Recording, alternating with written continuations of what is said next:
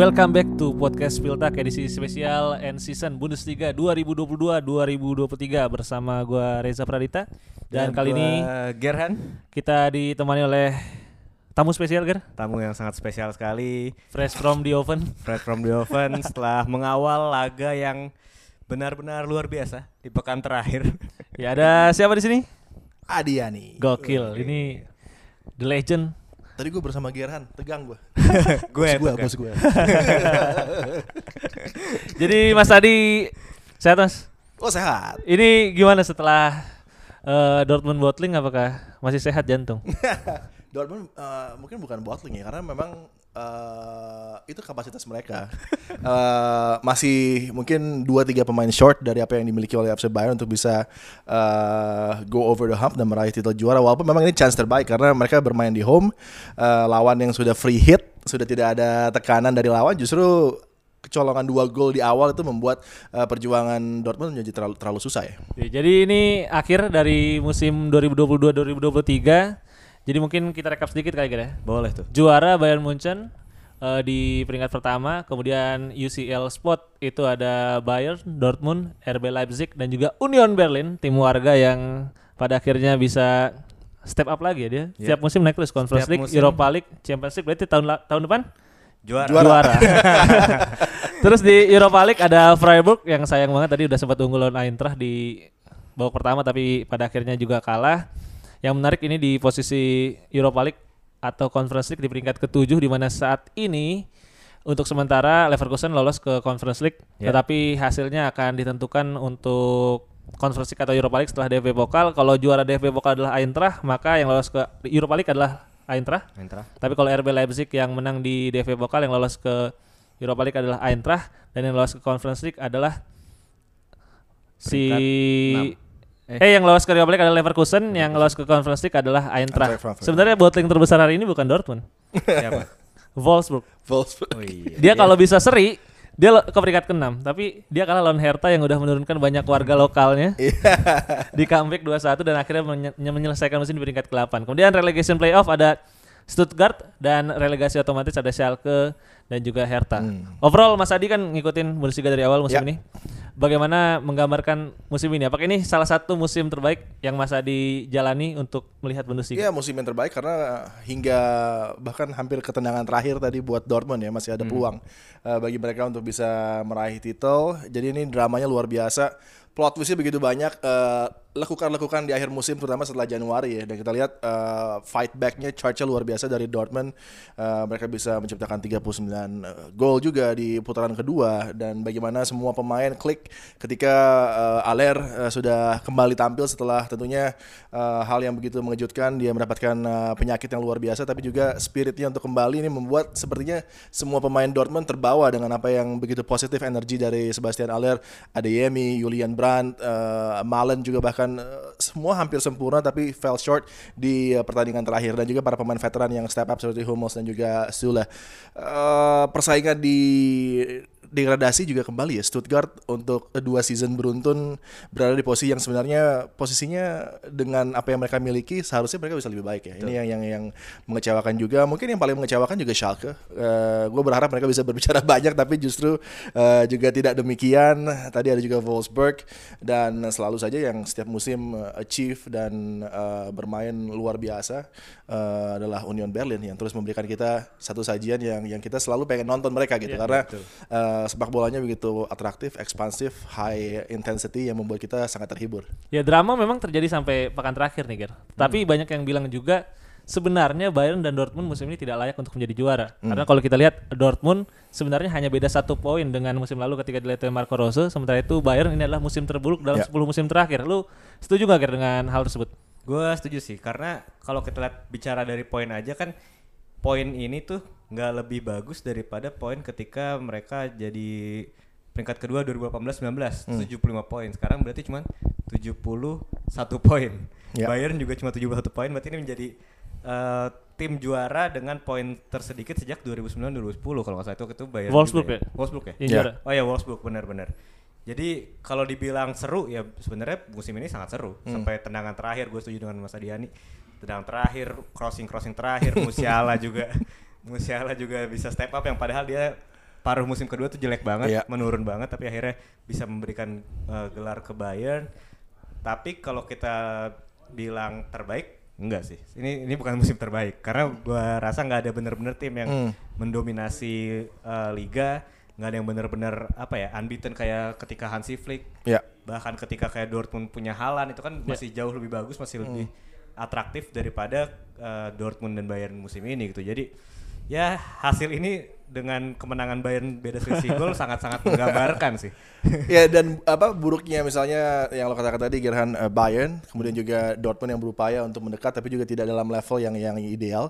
Tapi justru eh, pesaing-pesaing yang kita harapkan bisa step up Frankfurt eh, RB Leipzig semuanya tidak dalam kondisi yang juga baik. Jadi ini Betul. eh, hampir bersamaan tim-tim yang harusnya bisa challenge untuk eh, top 2 bahkan eh, dropnya begitu jauh ya. Bayer Leverkusen yang kita harapkan juga baik dari awal tapi mereka drop luar biasa hingga keluar dari jajaran elit. Sebelum akhirnya juga mampu lagi eh, Xabi Alonso memberikan impact yang instan. Jadi banyak sekali ya tim-tim yang justru underperform mengecewakan mungkin terlepas dari Freiburg dan Union Berlin semua tim itu bisa kita salahkan untuk memberikan kita satu tontonan yang harusnya lebih menjanjikan lagi tapi tidak optimal. Ya gue gue setuju sih sama Mas Adi. Yang overachieve musim ini cuman Union dan juga Freiburg ya. Sisanya dan, bahkan dan itu Bochum sih menurut gue Bochum ya Bochum bisa Iya, Bo- menurut gue. Bochum Bochum udah dua musim lah itu bisa jadi one of a kind lah. Tapi eh, bahkan men sendiri gitu menurut gua tahun ini juga nggak nggak mengeluarkan Ya. kemampuan terbaik mereka gitu. Seharusnya mereka bisa challenge buat Europa League gitu. Tapi eh, Bayern memang mengecewakan mas. Tapi banyak yang bilang hari ini mereka treble karena mereka juara Bundesliga dan kemudian Oliver Kahn dan Brazo dipecat hari ini digantikan oleh Vice Chairman Jan Christian Dresen yang naik sebagai CEO nantinya. Nah, kalau menurut Mas Adi sendiri, apa sih arti kemenangan Bayern kali ini buat diri mereka dan juga buat Bundesliga? Apakah dengan kemenangan mereka hari ini mereka akan kembali juara 10 tahun yang akan datang? Uh, untuk tadi uh, di akhir uh, sempat gue bilang mungkin 4-5 season ke depan ini menjadi uh, tanda bahaya bagi bagi Bundesliga ya.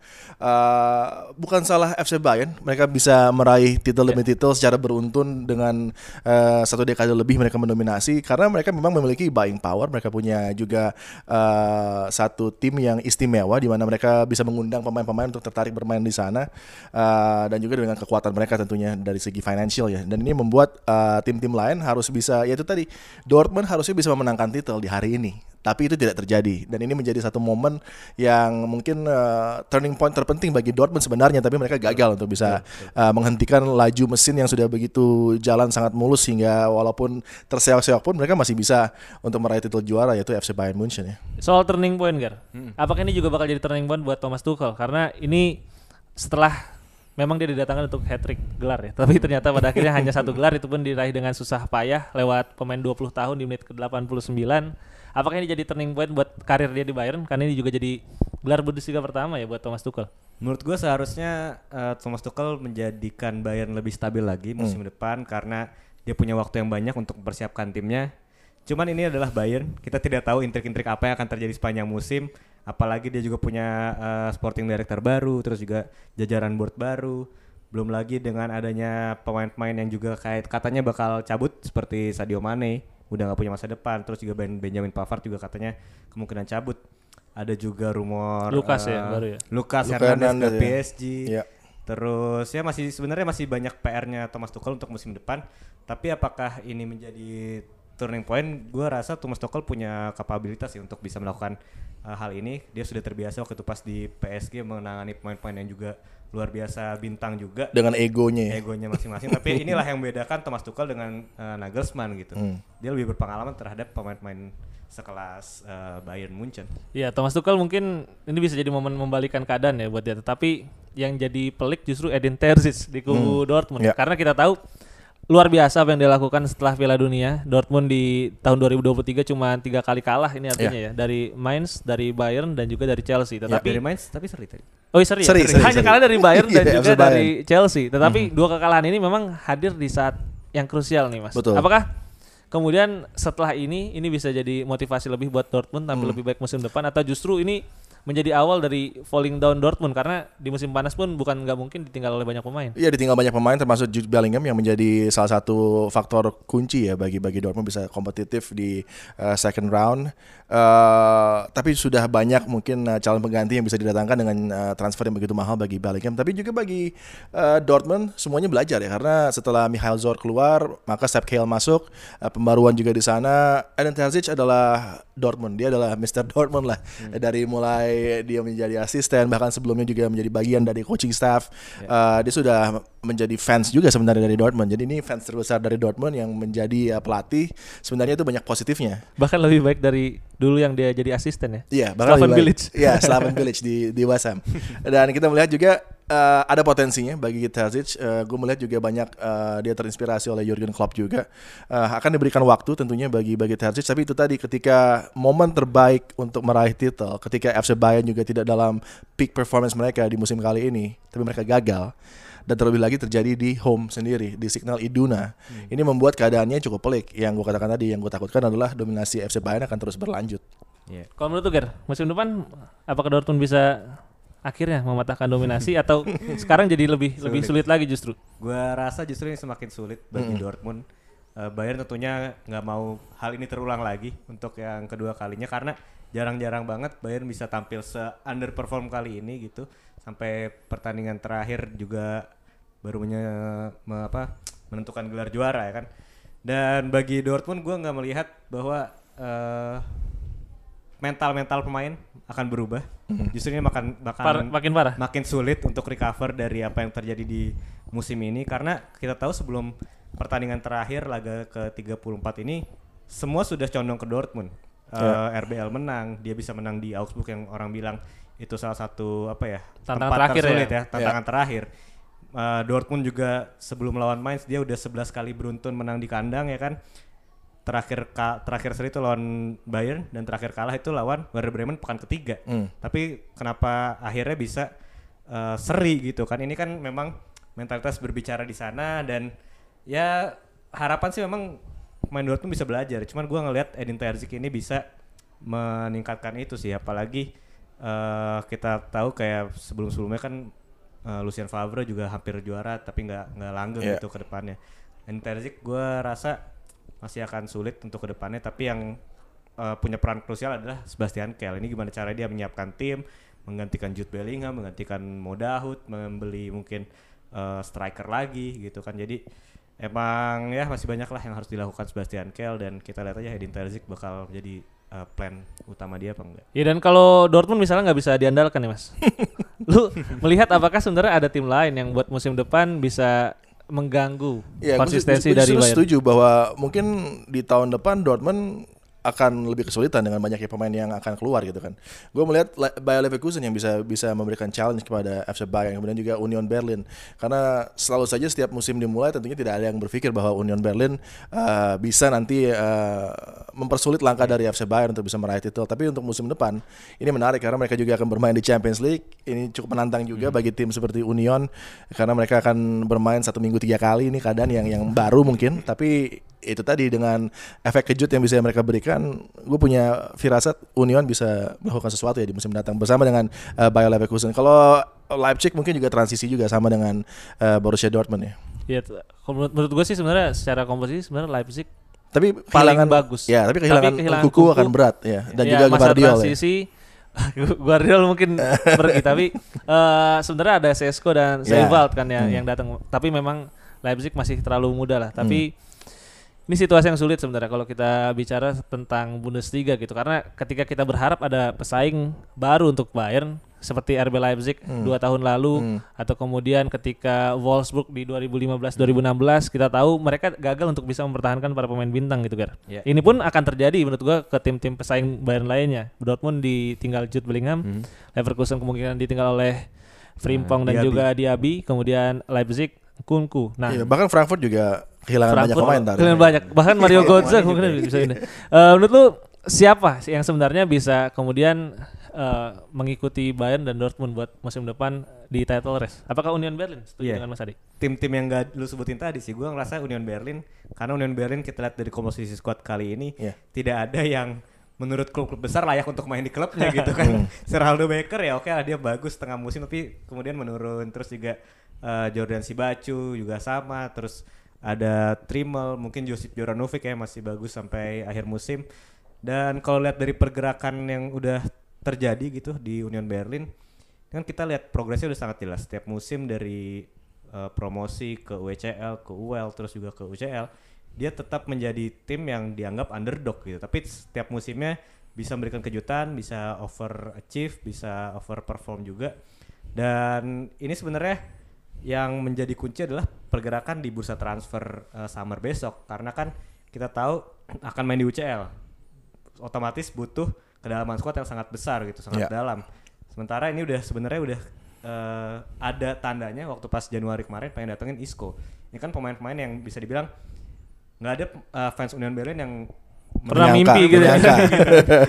Isco bisa main di Union Berlin mungkin tiga tahun empat tahun belakang gitu. Tapi itu hal yang bisa saja terjadi gitu di summer transfer ini mungkin pembelian-pembelian cerdas ini akan jadi kunci bagi Union Berlin kita nggak tahu sih apakah ada pemain-pemainnya ya kelas seperti Isco itu yang main di tim besar tapi sudah tidak terpakai gitu. Yang gue suka sih sebenarnya dari Union Berlin adalah mereka terus mencoba memantaskan diri dengan turnamen yang mereka ikuti ya. dengan mereka bermain di Europa League, mereka ngerekrut Josip Juranovic, Ya. Raisa Laidoni itu kan emang kalibernya udah ya. kompetisi Eropa ya. Rusilong bikin Giselman habis kontrak nggak diperpanjang dan eh, ini yang gue suka sebenarnya dari Union Berlin dan ketika mereka mengalahkan Ajax juga itu jadi sebuah pertanda kan mereka Ya. udah siap buat kompetisi Eropa meskipun Ajaxnya pun sekarang kualitasnya Europa League Ya. peringkat ketiga di Benar. di divisi. Eh beralih mungkin perwakilan Bundesliga di Eropa nih Mas Adi. Mhm. Di Champions League Bayern, Dortmund, RB Leipzig, Union Berlin, Europa League mungkin nanti Freiburg dan Leverkusen kita anggap saja Ya. Conference League Eintracht Frankfurt. Apakah menurut Mas Adi dengan susunan tim tersebut Hmm. di Eropa bakal berbicara banyak musim depan? Oh iya pasti, pasti. Eh, Apakah better dari daripada musim ini? better, better. Terutama terutama FC Bayern yang yang tentunya sangat kecewa yang mereka difavoritkan bisa untuk mencapai final bahkan, tapi kemudian Treble musim ini ya Iya, itu targetnya. itu itu gagal gitu kan. Eh, Dortmund akan akan akan coba bangkit. Leipzig menjadi satu eh, tim yang mungkin mungkin tidak akan terlalu lama bersaing di eh, Champions League ya karena dengan eh, squad mereka yang sampai saat ini menurut gua kalau kehilangan eh, Gvardiol dan Nkunku itu akan sangat sulit. Eh, Freiburg punya chance Leverkusen eh, di Europa League tentunya kembali akan menjadi satu tim yang diperhitungkan.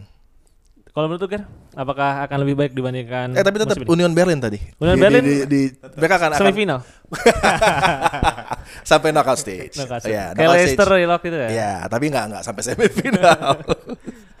Menurut Ger? Kalau gua gua suka sih dengan Union Berlin dan RB Leipzig ini dua tim yang sebenarnya eh, kalau RB Leipzig kita tahu dia punya rekor yang lumayan bagus lah di UCL dalam beberapa musim terakhir dia juga tim yang cukup bagus ketika main di knockout udah berapa musim terakhir eh, lolos ke DFB Pokal dua kali berturut-turut Ya. sama musim ini Ya. terus juga musim ini lolos dari fase grup UCL hanya saja kan memang selalu apes gitu tim-tim Bundesliga selalu ketemu Manchester City selalu ketemu siapa lagi Eh, tim-tim kuat lah pokoknya Ya. Manchester City udah sering banget ketemu tim Bundesliga dan bagi Union Berlin gue sangat suka eh, dia bisa tampil di Champions League adalah karena Union Berlin adalah tim yang selalu tampil bagus ketika melawan tim besar gitu. Ya. Ya. Ketika dia diberi tekanan, ketika dia hanya untuk menunggu me- eh, lewat counter attack Seralo Becker ini kan makanannya si Urs Fischer banget gitu. Jadi Hmm. menurut gue Union Berlin bisa jadi kejutan, mungkin bisa eh, lolos fase grup tapi kalah ketika ketemu Sporting Lisbon. Ketemu Union Sanggilo lagi, ketemunya Union Sanggilo lagi. Iya, Sagol. Atau Newcastle gitu ya ketemunya. Eh beralih ke papan bawah nih, Mas. Ya.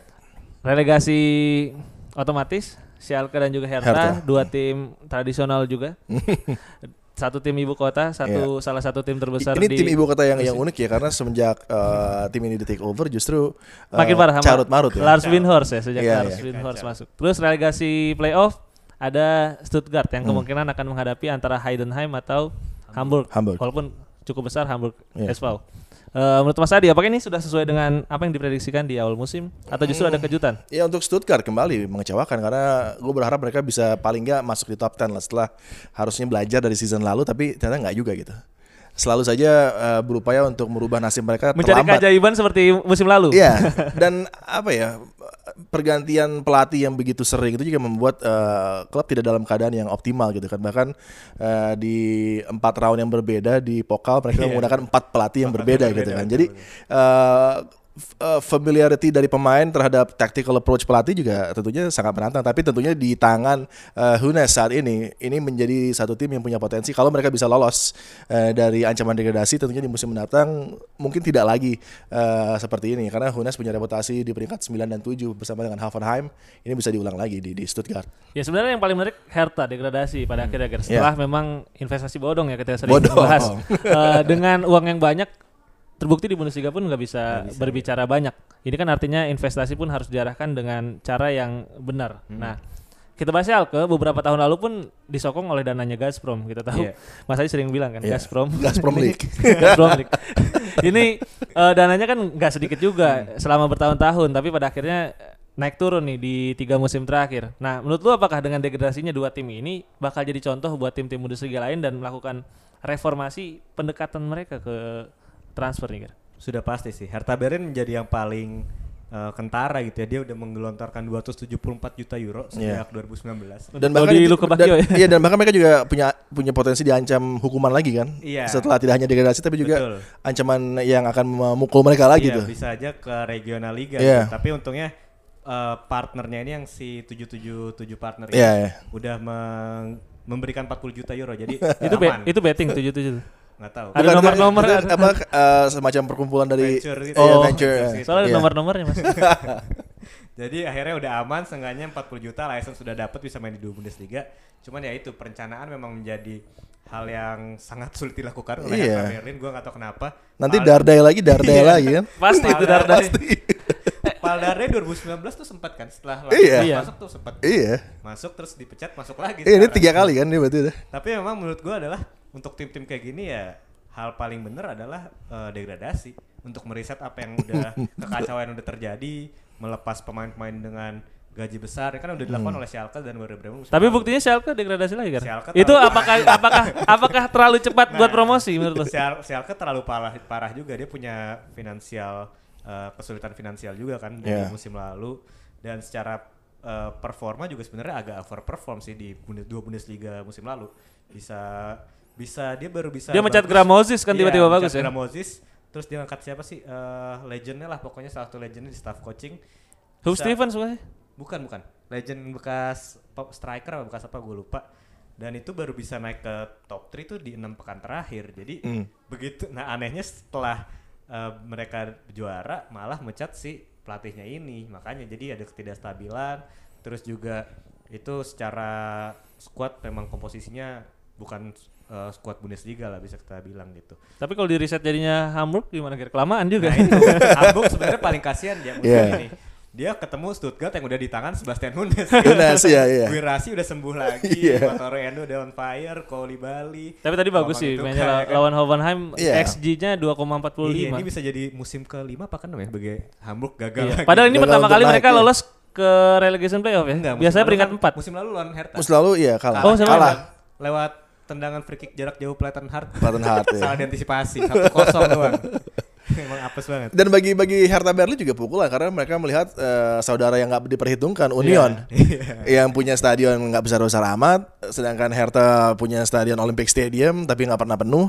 Eh, kemudian mereka terpukul dengan degradasi dan dengan eh, mismanagement yang luar biasa gitu kan. Jadi ada satu tim Berlin yang memang sangat sehat dan sekarang sedang membuktikan diri mereka selalu eh, bisa punching above their belt dan meraih prestasi luar biasa. Sedangkan Hertha yang dikatakan setelah take over ke- eh, belum lama itu akan mendatangkan pemain-pemain hebat, akan menjadi tim yang nomor satu di Berlin, tapi justru terpuruk ya. Ya itu bahkan tahun ini udah disusul ya jumlah membershipnya Union sama Hertha itu itu aneh banget sih padahal stadionnya sekecil itu tapi Makanya, iya. membershipnya udah ngelebihin Hertha. Oke buat merangkum nih Mas Adi Hmm. musim 2022-2023 tim yang paling overachieve dan tim yang paling underachieve musim ini. Underachieve Eintracht Frankfurt. Gue berharap banyak tapi tidak demikian. Bahkan Glasner uh, sudah keluar dari uh, tim tersebut. Padahal gue sempat berpikir ini tim yang bisa challenge top 4 tapi nggak juga uh, masih ada peluang di di pokal tapi tentunya uh, sulit ya bagi bagi mereka ya. Dan uh, untuk yang tim yang overachieve jelas Union. Union Berlin. Tapi gue juga melihat Bayer Leverkusen karena setelah apa yang mereka alami kemudian eh, perbaikan mereka di second half of the season itu hampir selevel lah dengan apa yang dilakukan oleh Dortmund. Eh, gue sedikit nggak setuju. Menurut gue paling overachieve tetap Freiburg. Freiburg. Karena karena selain gue fans Freiburg tapi eh Union itu kan banyak pembelian. Ya. kan. Maksudnya dia strategi transfernya emang diperhitungkan buat kemudian dia tet- tetap kembali ke Eropa gitu. Sementara Freiburg kan hanya Gregoritsch ditukar dengan Demirovic gitu kan. Kemudian. Ritsu doan ya. Kofi Kierre pun cedera cukup lama. Jadi menurut gua apa yang dilakukan oleh Freiburg sih overachieve banget. Sementara itu yang underachieve menurut gua mengecewakan sih Hoffenheim sih itu. Nah, Hoffenheim menurut gua parah banget gimana dari tadinya sama Sebastian Hunes menjalani dua musim yang sangat biasa Luar- gitu. iya. sangat biasa gitu. Iya. di tengah aja di tengah gitu. Tapi mereka tidak puas, mereka ingin lebih tetapi justru akhirnya menjadi lebih parah dengan Iya. rekrut Andre Brighton Reiter bahkan hampir bersaing di relegation zone tuh sampai pekan terakhir. Eh, menurut gua Hoffenheim harus menemukan sesuatu yang berbeda lah. Musim depan menurut gua Pellegrino Matarazzo pun nggak akan cukup sebenarnya buat Iya. mereka. Kalau menurut lu Ger, siapa Ger? Overachieve dan underachieve? Gue overachieve tetap Union Berlin, Freiburg gue juga setuju. Apalagi Freiburg juga eh, banyak mengorbitkan pemain dari akademinya yang musim ini Sil dilihat, terus juga Weishaupt itu kan. Terus gelandangnya juga ada Kenneth Smith ya kalau nggak salah. Eh itu apa back? Back back kiri, back kiri. tengah kiri, left center back. Tapi gue memberi kredit juga kepada Bochum sih. Ini tim yang dari awal musim sejak bursa transfer compang-camping sebenarnya. Semua pandit memperkirakan akan Perkirakan akan degradasi. degradasi. Akan degradasi ya. Oh, iya. menjual Bella Kocap, menjual siapa? Eh, strikernya? si Polter ya? Sebastian Polter. Polter. Kalau iya benar Sebastian Polter. Terus juga tidak membeli siapa? Tidak membeli uh, pemain yang sebenarnya punya kaliber Bundesliga gitu. back sayapnya saya di Janko. Terus uh, masih ada Asano gitu. Tapi menurut gua Bokum pada akhirnya bisa keluar dari zona degradasi patut diapresiasi walaupun banyak juga uh, kecerobohan-kecerobohan gitu dari pesaingnya juga kan Stuttgart. Iya, shout out tapi untuk out. Manuel Manuel Riemann sih. Riemann menurut gua, ya. wah itu one, one of the most progressive, progressive Itu goalkeeper in Europe. Kalau ada gelar pemain paling percaya diri di Eropa dia. dia dia kalau nggak salah punya long ball akurasi long ball attempts paling banyak di top 5 league. Hmm. Kobel tuh kalau bikin kesalahan dia tertunduk lesu. Kalau Rima dia dia yang bikin salah dia yang menyemangati dia rekan-rekan. menyemangati rekan-rekannya. Dan jangan lupa juga tentunya Hoffman di depan. Oh iya. Old school ya, Hoffman. sangat-sangat old school ya. Ganti Polter. Dan iya benar, Riman Riman bener sih Riman. Riemann dia luar biasa Luar ya. biasa. Dia waktu itu pernah big, hampir ngambil penalti dua kali ya. Iya. Saking pedenya. tuh. Enggak itu s- di FB Pokal dia bikin winning Iya. penalti. Iya. Tapi abis itu pengen dibawa ke Bundesliga kan nggak bisa. Keren keren. Kalau Eh, yang kalau yang underachieve gua Bayern Munchen sih. Bayern Munchen underachieve sih harus. Udah juara, masih underachieve Nah, ya. ini menurut gua parah.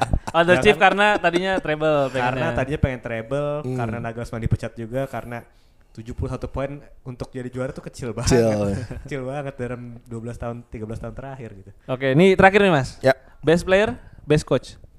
best coach.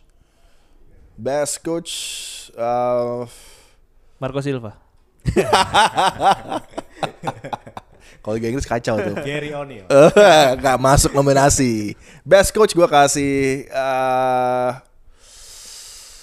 Zavi. hmm, Xabi Alonso kali ya. Xabi Alonso ya. Ya, Karena dari bawah. karena apa yang dia lakukan eh, cukup eh, extraordinary lah untuk untuk Leverkusen yang hampir-hampir eh, benar-benar membuat kita semua kecewa gitu. Best player. Best player, best player, best player. Kalau tadi kan kita udah bicara eh, dari Dortmund nggak ada, dari eh, FC Bayern juga nggak ada, nothing special. Gua kasih ke Fulkrug deh. Oke. Senyum deh. Fulkrug lah. Kalau nggak ada Fulkrug mungkin Bremen sama kayak Iya. Itu mungkin eh, perumpamaannya hampir sama kayak Harry Kane gitu ya. Kalau Tottenham gak ada Harry Kane kayak Chelsea jadinya. Kalau Ger, siapa Ger? Best player, best coach. Gue dari best coach dulu gue Edin Terzic sih harus gue akui. Terzic. Walaupun dia bottling di laga terakhir, tapi apa yang dia hadapi musim itu tidak su- tidak mudah gitu. Ya. Dia awal musim banyak banget cedera sampai harus pernah mainin Justin Engin mah pemain yang dipinjam dari Werder Bremen 2 gitu. maksudnya untuk uh, Dortmund gitu Dortmund 2 juga bahkan terus juga Haller sempat cedera 6 bulan Hmm. terus Dahut cedera Jamie Binogitus cedera sampai Modest juga akhirnya bisa masuk. Dan benar-benar carut marut di bawah uh, di paruh musim pertama tapi bisa finish dengan poin tertinggi. Di paruh musim kedua di Yeah. 2023 sangat luar biasa. Bisa membangkitkan juga Daniel Malen, Karim Adeyemi, Sebastian Haller ini kan tiga pemain yang di paruh musim pertama kalau salah cuma satu gol satu gol satu gol semua tuh Iya. kecuali Haller gitu nol gol Ada Emi gol. bahkan 0 gol 0 Nol assist. gol ya? Iya, nol Nol gol juga. assist, tapi berujung pada 9 gol semua terus juga bisa mengeluarkan potensi terbaiknya Julian Brand yang kita sudah tidak lihat mungkin dalam 2-3 musim terakhir Iya. menurut gua Edin Terzic menjadi pelatih yang sangat baik untuk Dortmund secara chemistry dengan pemain secara apa ya dia mengatur eh, timnya tetap harmonis gitu walaupun ya di momen krusial masih ada yang harus dipelajari gitu kalau Best player. player Niklas Fulkrug sih kayaknya. Niklas Fulkrug sama sebenarnya dia menjalani musim yang eh cedera juga kan. Ini Hmm. di Ya. beberapa pekan terakhir, 6 pekan apa 5 pekan terakhir terus dia mencetak gol tetap 16 eh, gol jadi top scorer. Ini raihan terburuk sejak sejak Alexander tahu. Mayer. Alexander Mayer. Alexander Mayer juga Itu bahkan 16 gol. 19. 19. Eh, 19 ya? Martin Smith 18. Eh Martin Smith, Martin Max. Martin Max itu dua, sama 2001 itu. 2001. Ini 16 gol nggak tahu tuh terjelek sejak kapan. Tapi bisa jadi top scorer. Eh ya satu lagi mungkin Julian Brand sih gue. Gue suka banget Julian Brand musim ini. Kalau gua best coach tetap Christian Streich karena selain kalau menurut gua pencapaian terbesar dia bukan dia di peringkat kelima Bundesliga Hmm. tetapi adalah bagaimana dia memasukkan Smith, kemudian Keitel, Iya. Weishaupt, Dia harus ada patungnya Sil- sih. Harus, Harus ada harus patung. punya patung di setiap sudut kota sih nggak nggak satu. Karena kan kecil banget ya, Freiburg itu kan kecil banget ya. Di tengah-tengah di belakangnya Black Forest gitu kan harus ada di setiap sudut ada patungnya Christian Streich dan tahun depan gue bakal pengen banget buat ngeliat Noah Atubolu sebenarnya buat menggeser Mark Brecken. Jadi itu sih bagusnya maksudnya dia tetap punya prestasi bagus tapi pemain akademi dimasukin Ya. terus Freiburg duanya bahkan jadi peringkat kedua di Dritte Liga. Best player menurut gue apa? Dan pembelian pembelian Freiburg musim ini Oh on iya. point banget sih. On point. Kecuali- Doan menurut gue one of the best. One of the best signing sih. Of, of the season. Ginter juga ya, best Ginter, banget sih. bener. Iya. Eh, best player gue Matis Delik. Delik. Ini kalau nggak ada dia menurut gue Bayern nggak akan juara tahun ini karena bukan hanya dia tangguh di belakang tapi gol dia lawan Freiburg tuh menurut gue itu Ya. salah satu hal yang bisa bikin Bayern dapat gelar sih. Dan jadi yang commanding juga ya di lini belakang. Khusus ketika Lukas cedera ya itu makin kerasa di putaran kedua. Oke, thank you Mas Adi Sama-sama. buat kesempatan collabnya yang sangat Yang singkat, sangat impromptu. padat dan ini menurut gue jadi salah satu episode yang paling banyak didengar pasti nanti. Ya, semoga saja ya. Ya dan buat fans Liga Jerman jangan lupa juga ada DFB Pokal yang kemungkinan Mas Adi lagi mungkin nanti di final minggu depan tanggal Tanggal 2 ya. Iya, sekitar Eh Eintracht Frankfurt versus RB Leipzig. Leipzig. Belum tentu gue lah. Oh iya. belum. dan musim belum berakhir karena masih ada relegation playoff. Oh ya. Itu ant- sepertinya Hamburger SV lawan Stuttgart. Stuttgart. kemudian di bawahnya lagi itu gua nggak tahu siapa tapi yang dari Dritte Liganya itu Wehen Wiesbaden setelah ada gol yang sangat dramatis dari Osnabrück di menit 96 itu bikin dia naik Eh, dan ada juga Jerman U17 lagi berlaga di Euro U17 Eh, barusan menang adu penalti lawan Swiss di delapan besar Eh, meskipun bermain dengan 10 orang sejak menit kelima dan memastikan diri lolos ke Piala Dunia U17 yang belum tahu digelar di mana. Jadi ya sekali lagi selamat untuk fans FC Bayern, untuk Bayern Munchen juga memenangkan 11 gelar berturut-turut walaupun kita udah capek ngasih selamat kepada Bayern gitu. Dan Dortmund jangan berkecil hati walaupun sangat sulit pasti untuk eh, recover dari ini. Dan begitu saja episode kali ini aja ya. Ya. Terima kasih Mas Adi Yani Sama-sama. sudah join ke Spiltak episode kali ini. Dengan senang hati. Gua Geran pamit. Gue Reza pamit. Sampai jumpa di episode Spiltak berikutnya. Bye.